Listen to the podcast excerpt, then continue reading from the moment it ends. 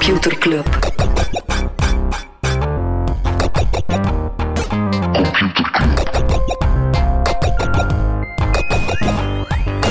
Computer Club.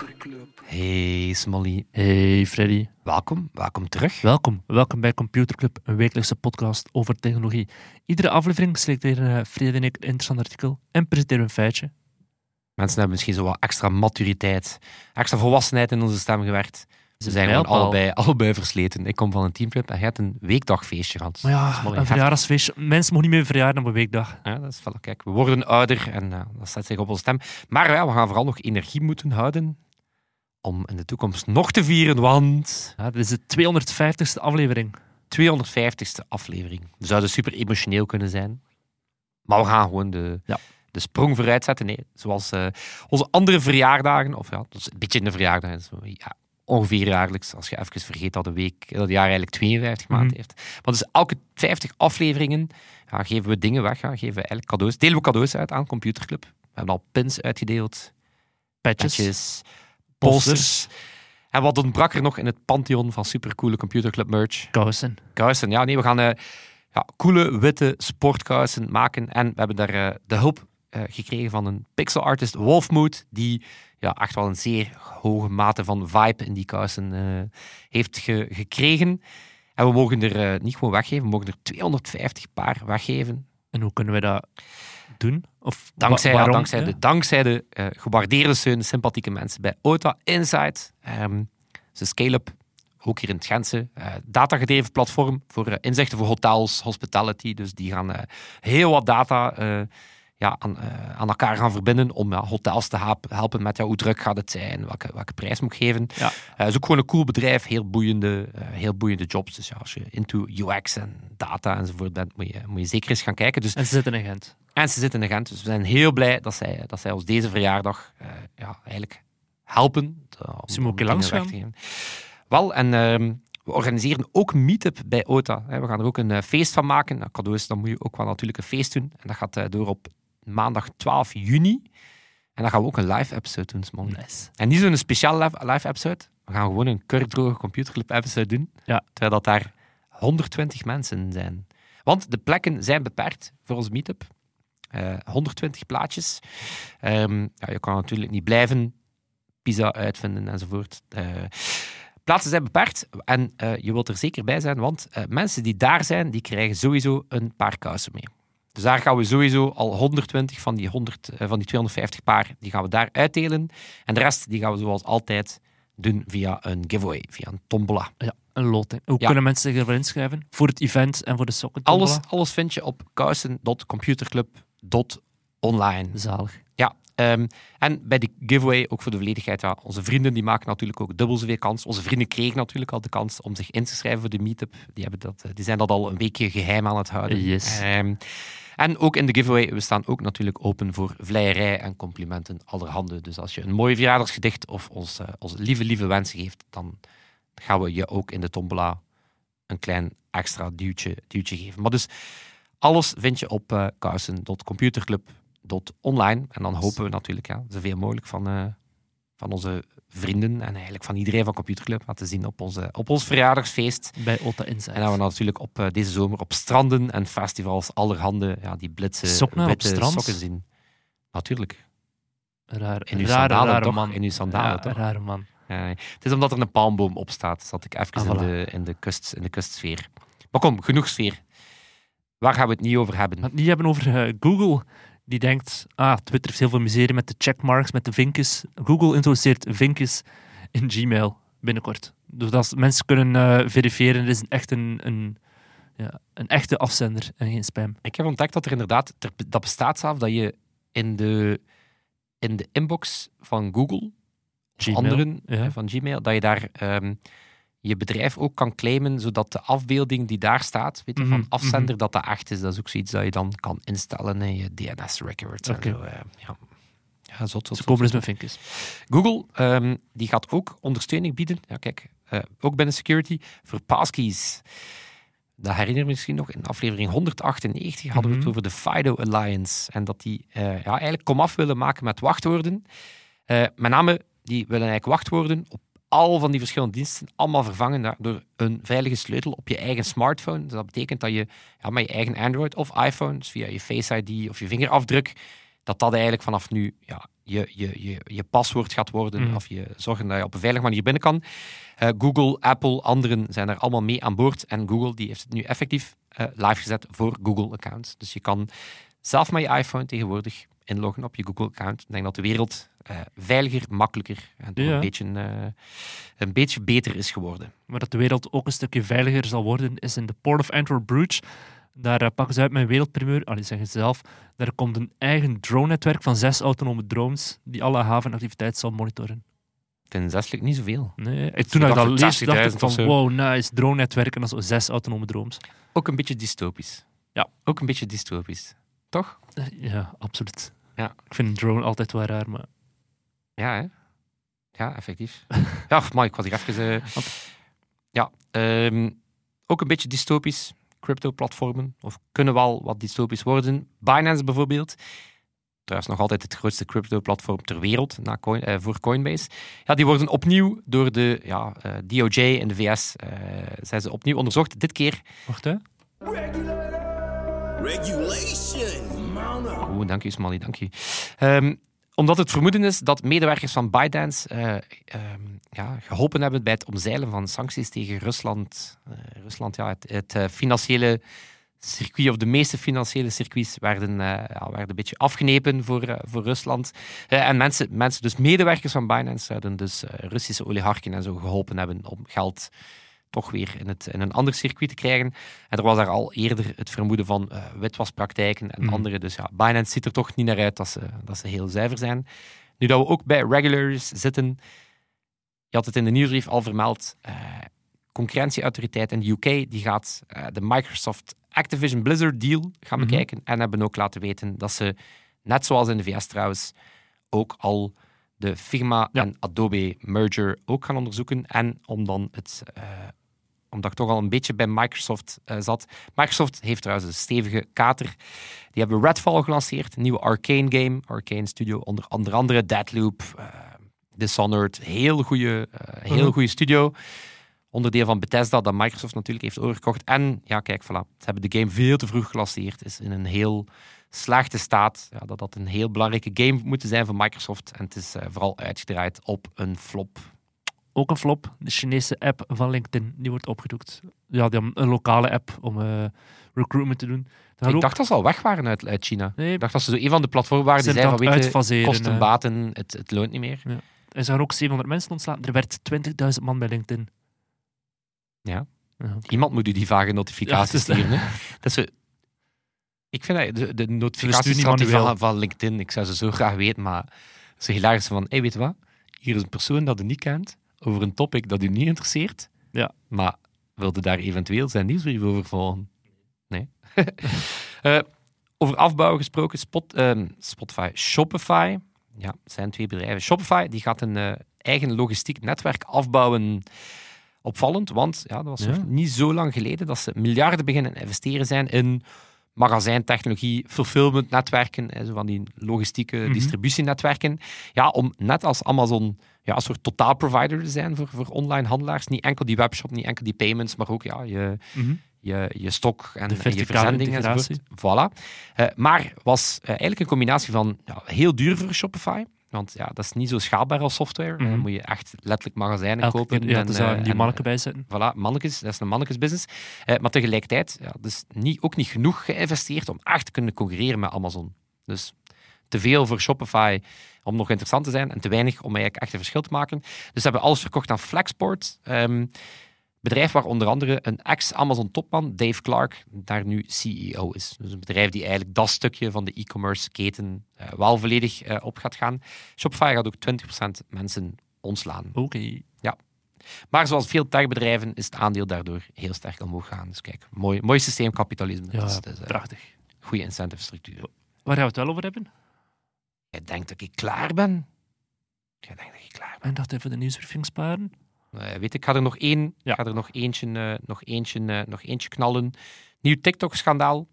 Wall Street Journal die heeft ontdekt dat er minstens langer dan een jaar een dashboard was waardoor de medewerkers toegang hadden tot alle gebruikers-ID's van mensen die LGBTQ-content bekeken. En Ja, zelfs de amai. medewerkers van ByteDance, TikTok, vonden dat Ja, ja. misschien wel raar. Het bedrijf zegt, ah nee, maar het dashboard is intussen al verwijderd.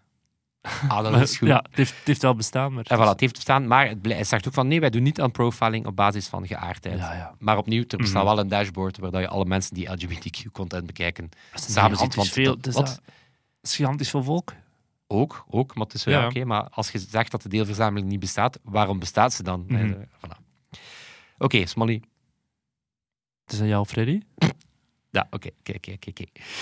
Generative AI. Het is, eh, het, is, het, is, het is moeilijk om niet over eh, generative AI te spreken. We proberen dat zo wel een beetje, eh, een beetje aan banden te leggen. Maar ehm, het is natuurlijk een fantastische tool, maar er zijn ook absolute gevaren en minpunten ja, die momenteel nog niet opgelost zijn. Misinformatie bijvoorbeeld. Mhm. De Geoffrey Hinton, Godfather of AI, absolute pionier van de technologie, die we vorige week nog vermelden. Is die Ja, die van Google, hè? Ja, die gaat Ja. weg bij Google, maakt zich heel sterk zorgen over ja, misinformatie en kunnen we nog geloven wat er allemaal komt. En ehm, ja, wat is ons bestaansrecht als mens nog, als heel veel van onze jobs gaan veranderen. Maar wat is zo een, nog zo'n absoluut mijnveld in generative AI? Misschien zelf een kritiek die ik absoluut terecht vind. Want bijvoorbeeld jobs gaan veranderen. Daarvan denk ik dan, Ja, ja, maar jobs er veranderen altijd. En er gaan er ook bij komen. En daar leert de geschiedenis dat... Ja, dat is pittig op de korte termijn, maar op de lange termijn ja, creëren we meer Mhm. jobs, meer welvaart enzovoort. Ja, maar wat is zo'n een terecht Fake mijnveld? nieuws, eh, ik weet het niet. Eh, zeg maar. Copyright. Ah, ja. Copyright. Ehm, ja, je zal maar een illustrator zijn en ze bestaan. Ja. Je zal maar in hè, zo'n dataset zitten en dan zien dat mensen eigenlijk dat het een lieve lust is. Of herinner je het eh, een aantal weken geleden, die track van The Weeknd en Drake. Hè, dus een, eh, een creatieveling die een fantastische ja, pastiche had gemaakt. Eigenlijk een nummer dat klonk als Drake, The Weeknd. eh, wat dan natuurlijk zelf gemaakt is. Ja, bon, je zal maar een artiest zijn. Ehm, de Markup dat is een onderzoeksjournalistieke website. Een heel coole website. Die gaan heel eh, datagedreven werken. Maar eh, nu hebben ze een interview gedaan met Catherine Forrest ehm, over de, eh, wat zij de copyright showdown noemt. Ze zegt van ja, die, die, veel, die veel van die vragen zijn wel heel terecht. En nu gaan we ons wel opmaken op ja, toch wel pittig veel zaken die eraan gaan komen, waarbij dat tal van partijen ja, tot, tot, tot het bod gaan gaan. En nu, die Catherine Forrest, ehm, is behalve een eh, openbare aanklager in het Amerikaanse systeem, is terug een advocaat nu, was ook een advocaat eh, in de tijd van de opkomst van MP3's. Dus die heeft toen heel wat copyright claims gedaan, onder andere platenlabels versus LimeWire en andere. Dus zij weet wel eh, hoe dat digitale eigendomsrecht werkt, kent de materie goed. Ehm, en interessant is, ze opent het interview eigenlijk meteen met te zeggen dat copyright eigenlijk net bedoeld is om innovatie aan te moedigen. Maar je zou bijna nu zeker ook kunnen denken van ja, maar wow, die dingen gaan niet meer mogen. Maar ze zegt ja, eigenlijk is copyright eh, net bedoeld om ja, te zorgen dat als je dingen maakt, dat je daar de Mhm. vruchten van kan plukken. Ehm, maar ze maakt zelf eigenlijk een heel interessant ehm, onderscheid. Ehm, ze spreekt over input en output. De copy, en op beide gaan er copyright-risico's zijn. Ehm, bijvoorbeeld de copyright van input, dat gaat dan over trainingsdata. Nu, eh, ook interessant, eh, ze zegt van, er wordt veel gesproken over large language modellen.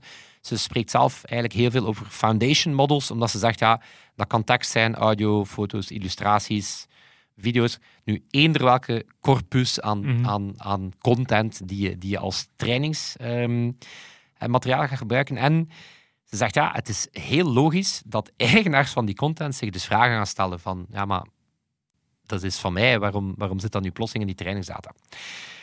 Wat leert ons eh, het auteursrecht? Hè? Wat, wat kunnen we, welke vragen kunnen we ons stellen die ons eh, misschien antwoorden kunnen geven? Ehm, een heel belangrijke vraag is natuurlijk, ja, is het een kopie? En bijvoorbeeld in die MP3-tijden eh, was de claim van de LimeWires en anderen was... Ah nee, maar dit is helemaal iets anders. dit is niet fysiek gerecorde muziek op een fysieke drager. Dit zijn bits en bytes en dat is helemaal iets anders.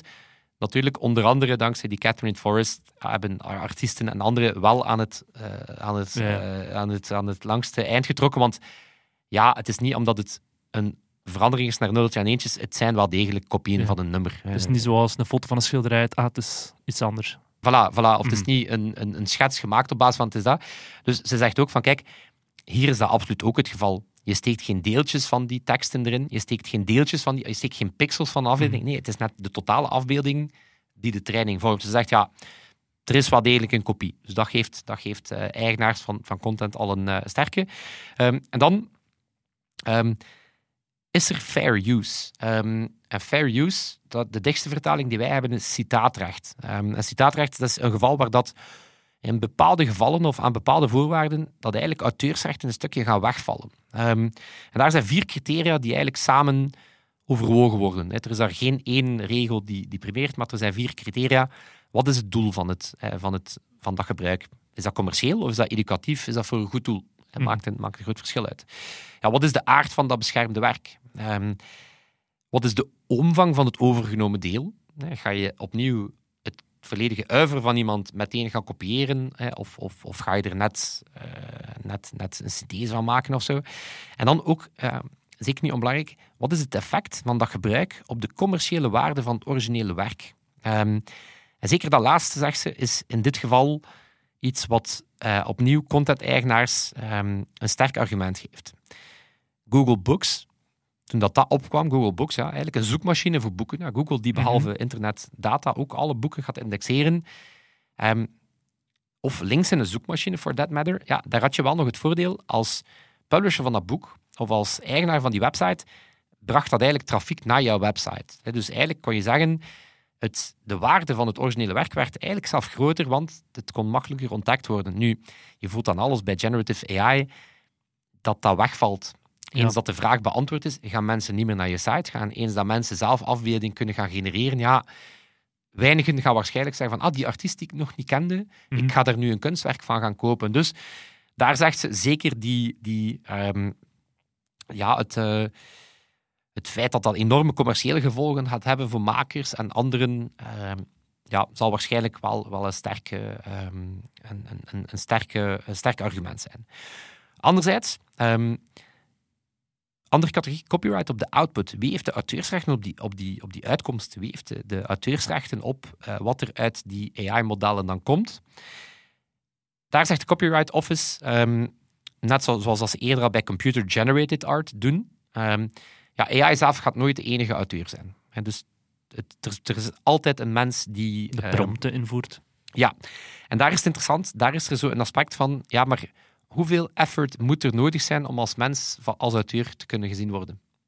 Is één simpel promptje, als ik zeg, hallo, a woman standing in the woods Mhm. looking at a bear, is dat voldoende om dan te zeggen, ja, jij bent dan de creator daarvan? Of heb ik hier gewoon iets heel simpels gedaan? Dus ja, hoe elaborate moet je prompting zijn? Hoe... Ja, dat, dat vind ik niet echt een argument. Hè. Als je dan eens kijkt naar, naar zo, ik denk dat, dat Rotko of zo, Philippe Klaar, van die kunst die gewoon één kleur vlak is, is ook kunst. Hè. Dus wat nu een complex prompt is of een simpel prompt, als de outcome mooi is. Eh, ja, op, en, op, en, oké, ik verhoog het. Maar dus in dit geval gaat de Copyright Office ook. ehm, ze gaan voorlopig geen regels maken. Ze gaan echt elke claim, claim eh, of elke claim gaan ze case by case gaan bekijken. Van inderdaad, ehm, was het net het feit dat er heel veel, hoeveel transformaties er gebeurt, dat is dan ook iets dat Ja. in die sfeer zit van ja, hoeveel. ehm, Beetje sample van muziek ook. Hè. voilà, en een sample is inderdaad, weet je, het is een klein deeltje van het werk Ja. dat je overneemt, niet de hele kopie. Mhm. Een sample kan vaak het originele werk zelf versterken. En mensen gaan ontdekken, ah, cool. Dus dat zijn inderdaad dat soort vragen. Dus ze gebruiken dan ook een tweetal ehm, cases, of ze gaan dan even terug naar die case van Drake en The Weeknd. Eh, Ze gaan eens, eens, ehm, eens gaan kijken van, boeit, ja, AI en muziek. Eh, wat vinden we daarvan? Ehm, dus daar zegt die, die Catherine Forrest, zegt, ja, oké, maar in dat geval, welke tools zijn er allemaal gebruikt? Software en muziek bestaat al heel lang. Was dat... Was dat die, die persoon die dat gemaakt heeft, die heeft duidelijk veel meer gebruikt dan Ja, ja. enkel die AI-dingen. Daar, daar zit een enorme craft onder. Hè. Die Mhm. persoon heeft echt wel niet gewoon een promptje ingevoegd en dan gezegd, ah, thank you. Ehm, maar ook niet onbelangrijk, wat zat er allemaal in de trainingsdata?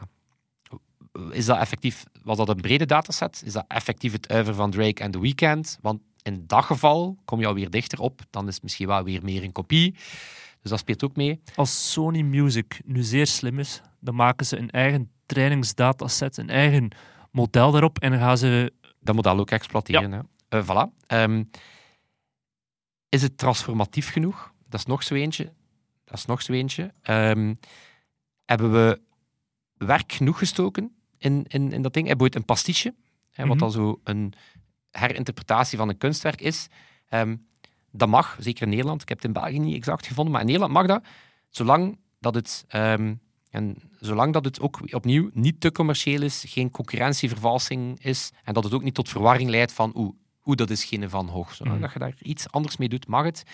Ehm, dus heel belangrijk daar, heel belangrijk daar is zelf al creëer je een track die klinkt als een bepaalde artiest, wordt dat ook voorgesteld als effectief van die artiest? Of is dat gewoon duidelijk dat het een tribute is? En ja, zal dat leiden tot minder inkomsten voor die artiest? En dan ga je in het geval van Drake en The Weeknd zeggen, wellicht niet. Eigenlijk is het wellicht in dit geval het maken van fanart, bij wijze van spreken, sterkt alleen maar hun, hun oeuvre. Maar, zegt ze ook, artiesten die zelf AI gaan gebruiken, laat ons zeggen dat eh, Drake en The Weeknd eh, zich geïnspireerd Mhm. voelen en zeggen van oké, weet je, we gaan zelf die tools gaan gebruiken.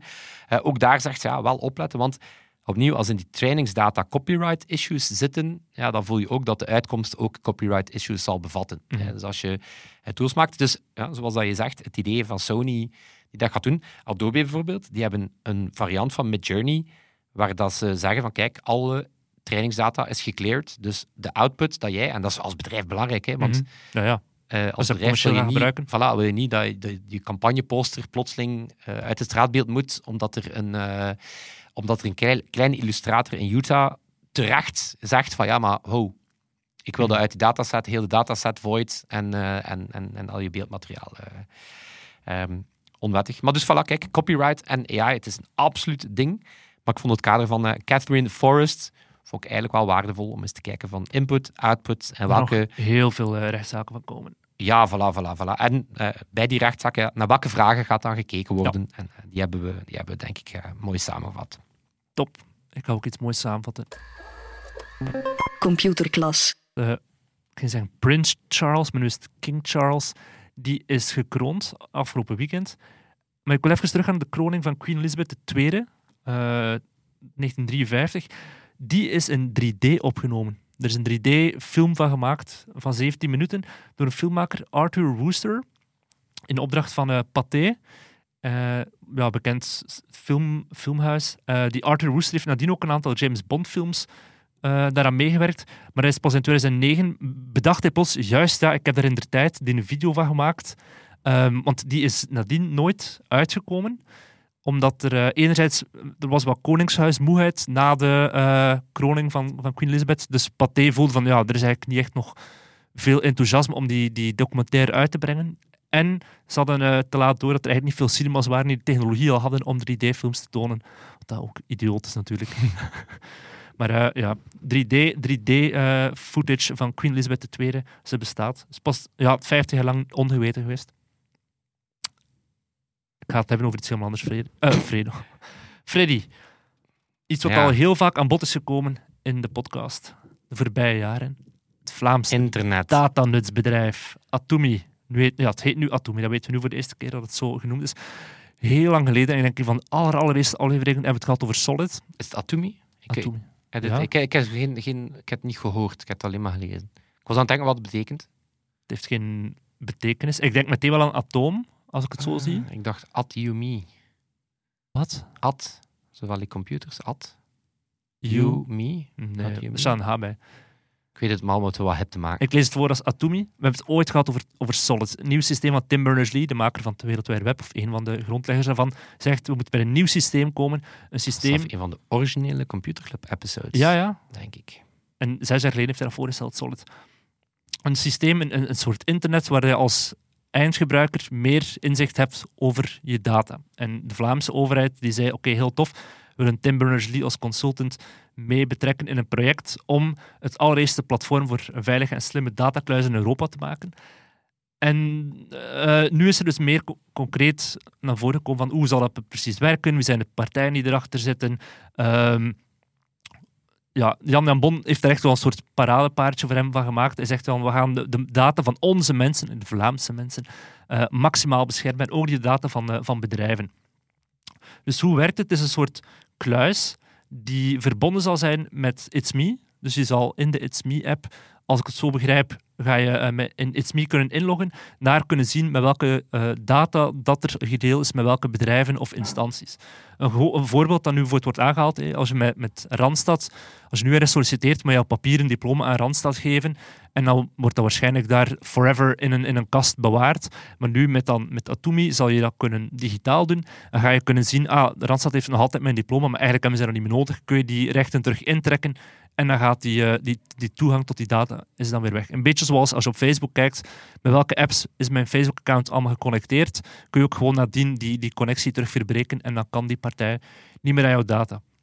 Wat op zich wel goed is, maar de vraag is dan ook nog hoeveel mensen nemen effectief de moeite om daar af en toe door te gaan en dan weer die verbindingen te verbreken op Facebook, hè, op Facebook of Twitter nu. Ehm, en gaan ze dat zelf doen met hun data? Of zal er zoiets zijn als je nu zo'n app inlogt met Facebook of met Google of wat dan ook, staat er zo heel in het kleine lettertjes van deze data worden allemaal gedeeld. Iedereen klikt gewoon op accepteren en ze zijn weer, ze zijn weer weg. Dus de vraag is, ja, ook, het gaat, het gaat over persoonsdata, je adres, je, je eh, diploma, dat soort zaken. Maar Jan Jan Bon die was al luid aan het dromen over een gezondheidskluis, waar sportieve data van wearables en sportapps eh, gecombineerd gaan kunnen worden met gezondheidsinformatie, met voedingsinformatie. Echt veel meer data dat de overheid of dat Vlaams ja, datanutsbedrijf over jou zal, zal, zal bezitten dan dat nu om even welke speler heeft. Dus het is wel zeer vergaand, ook vooral omdat het is niet van de is enerzijds wel van de overheid, maar op termijn zal het misschien niet meer van de overheid zijn. Net zoals dat een Proximus en eh, andere nutsbedrijven ooit van de overheid waren en dan nu echt gewoon supercommerciële bedrijven zijn, is het ook al de ambitie om met dat datanutsbedrijf op den duur een soort commerciële wat van te maken. Maar de, de, de connectie met It's Me is, is een zeer grote eh gamechanger. Stefanie de Bruyne die zit volgens mij ook in de raad van advies van Atomi. Ehm, waardoor ze meteen ja, miljoen of meer mensen eh, gaan het, gaan die, het zal zeer drempelverlaat zijn. Maar het is wel ook een beetje cynisch, want enerzijds is het de andere regering, de federale regering, wil af van It's Me. En de Vlaamse regering omarmt het nu en zegt van dit is voor ons de ideale springplank om Atumi eh, zeer groot te maken. Maar dus, naar mijn begrip, Ja. ga de... Gaat niet enkel dat je met It's Me kunt inloggen op je, op je eigen Nee, als ik datakluis. inderdaad zo begrepen heb, zal je in de mobiele app van It's Me het overzicht krijgen van al je data in de kluizen die je bezit. Ja, dat je daar eigenlijk ziet wie is er allemaal iets van je data aan Ja. bekijken en dat je het daar ook kan revoken. Ja. En, eh, Ja. Er zijn een aantal partners aangekondigd. Microsoft, Dockel, ehm, en dus ook It's Me, Randstad volgens mij. Dus ook zo'n proefproject op dit moment. Want alles staat of valt natuurlijk met het aantal spelers dat daarmee in zee willen gaan. Want voor, voor een commercieel bedrijf, pakweg KBC of Telenet, is het nog altijd interessanter eh, vanuit evil standpunt om die data allemaal zelf te hebben en tot in het oneindige daar, daar bezitter over te zijn. Maar anderzijds, naar, als ze het vertrouwen van klanten willen winnen, zal het misschien belangrijker zijn om dat via Atumi te doen. Ja, maar weet je, zo'n tegenhanger bij bedrijven is wel, het is, weet je, ja, zelf al die data, zelf al die data kunnen, eh, kunnen Mhm. verzamelen. Eh, daar zit al geld in, et cetera, et cetera, et cetera. Maar zo, er komt daar ook wel een bureaucratische hassel bij kijken. Ja, ja. Als je eigenaar bent van die data, naar veiligheid, naar eh, right to be forgotten, dan moet je allemaal mee omgaan. Hè. Als een persoon Mhm. inderdaad zegt, ja, weet je, ik wil dat jullie mij niet meer kennen. Bij heel veel bedrijven starten dan een absolute administratieve mallenmolen om je daar effectief uit die systeem te halen. Als het effectief zo makkelijk kan gaan zijn als, oké, die persoon verbreekt de link tussen zijn datapot en onze dienst, Mhm. dan is het ook voor bedrijven wel makkelijker. Ja. Maar nu ben ik even super idealistisch aan het denken. Het probleem is ook, het is een Vlaams initiatief. En we hebben, dan, we hebben al zoveel van die platformen, ze mijn opsommen. Hè. Zo e-box, mijn burgerprofiel, mijn Minfin, Dokkel, mijn pension, Helena. Er zijn er echt zoveel al. Dus mijn voorstel nu naar onze politici is vanaf je er eentje wil toevoegen, moet je er twee verwijderen. Dan gewoon langzamerhand al die eh, verschillende systemen ofwel op elkaar afstemmen, dat als ik één notificatie krijg, dat ik gewoon meteen naar de juiste plek kan gaan en niet 20 hoepels moet doorspringen om te komen bij een pdf waar er staat, voilà, je moet eigenlijk geen belasting betalen. Ja, het is dat. Ja. Je moet momenteel niets doen. Ah. Maar Weet het is weinig- zeer makkelijk om er cynisch over te doen over Atomi, maar ik geef het voordeel van de twijfel. Ik ben sowieso wel sceptisch over het feit dat een commercieel bedrijf... Allee, het is op termijn, het is echt een bedrijf. Hè. Het is geen, ze zeggen wel, het is een, een nutsbedrijf, maar ja, Telenet en een, eh, Luminus zijn ook nutsbedrijven die ook redelijk commercieel zijn. Ja. Dus op dit moment wordt het voorgesteld als zo'n soort dump pipeline, maar Kan veranderen natuurlijk. Let's see. Maar bon, het ding heeft eigenlijk een naam. Atumi. Ja, we gaan het, eh, we gaan het, eh, we gaan het binnenkort zien opduiken. Hè. Weet je Ja. dat we binnenkort ook gaan zien opduiken? Toon en Sebastiaan Ja, wellicht misschien op de meetup. bij Ota Insight. wel. Bij OTA Insight, 12 juni, vieren we daar ons, eh, ons verjaardagsfeest. Gaan we de apps uit doen. En gaan we ook cadeaus weggeven. We hebben coole sportkousen ontworpen samen met Wolfmood, Pixel Artist. Die gaan we daar weggeven. 120 mensen kunnen erbij zijn. En die krijgen daar sowieso kous mee. De rest kan zich, eh, kan zich inschrijven Was het voor de giveaway. Kous.computerclub. Kousen.computerclub. Ik heb een bias voor meervoud, Molly. Ja. Dat is ook door. En onze vrienden, vrienden.computerclub.online, die wisten het natuurlijk al.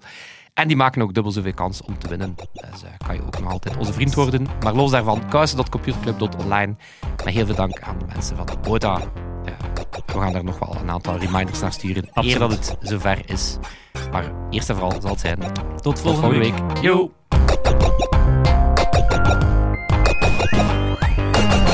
Computer Club.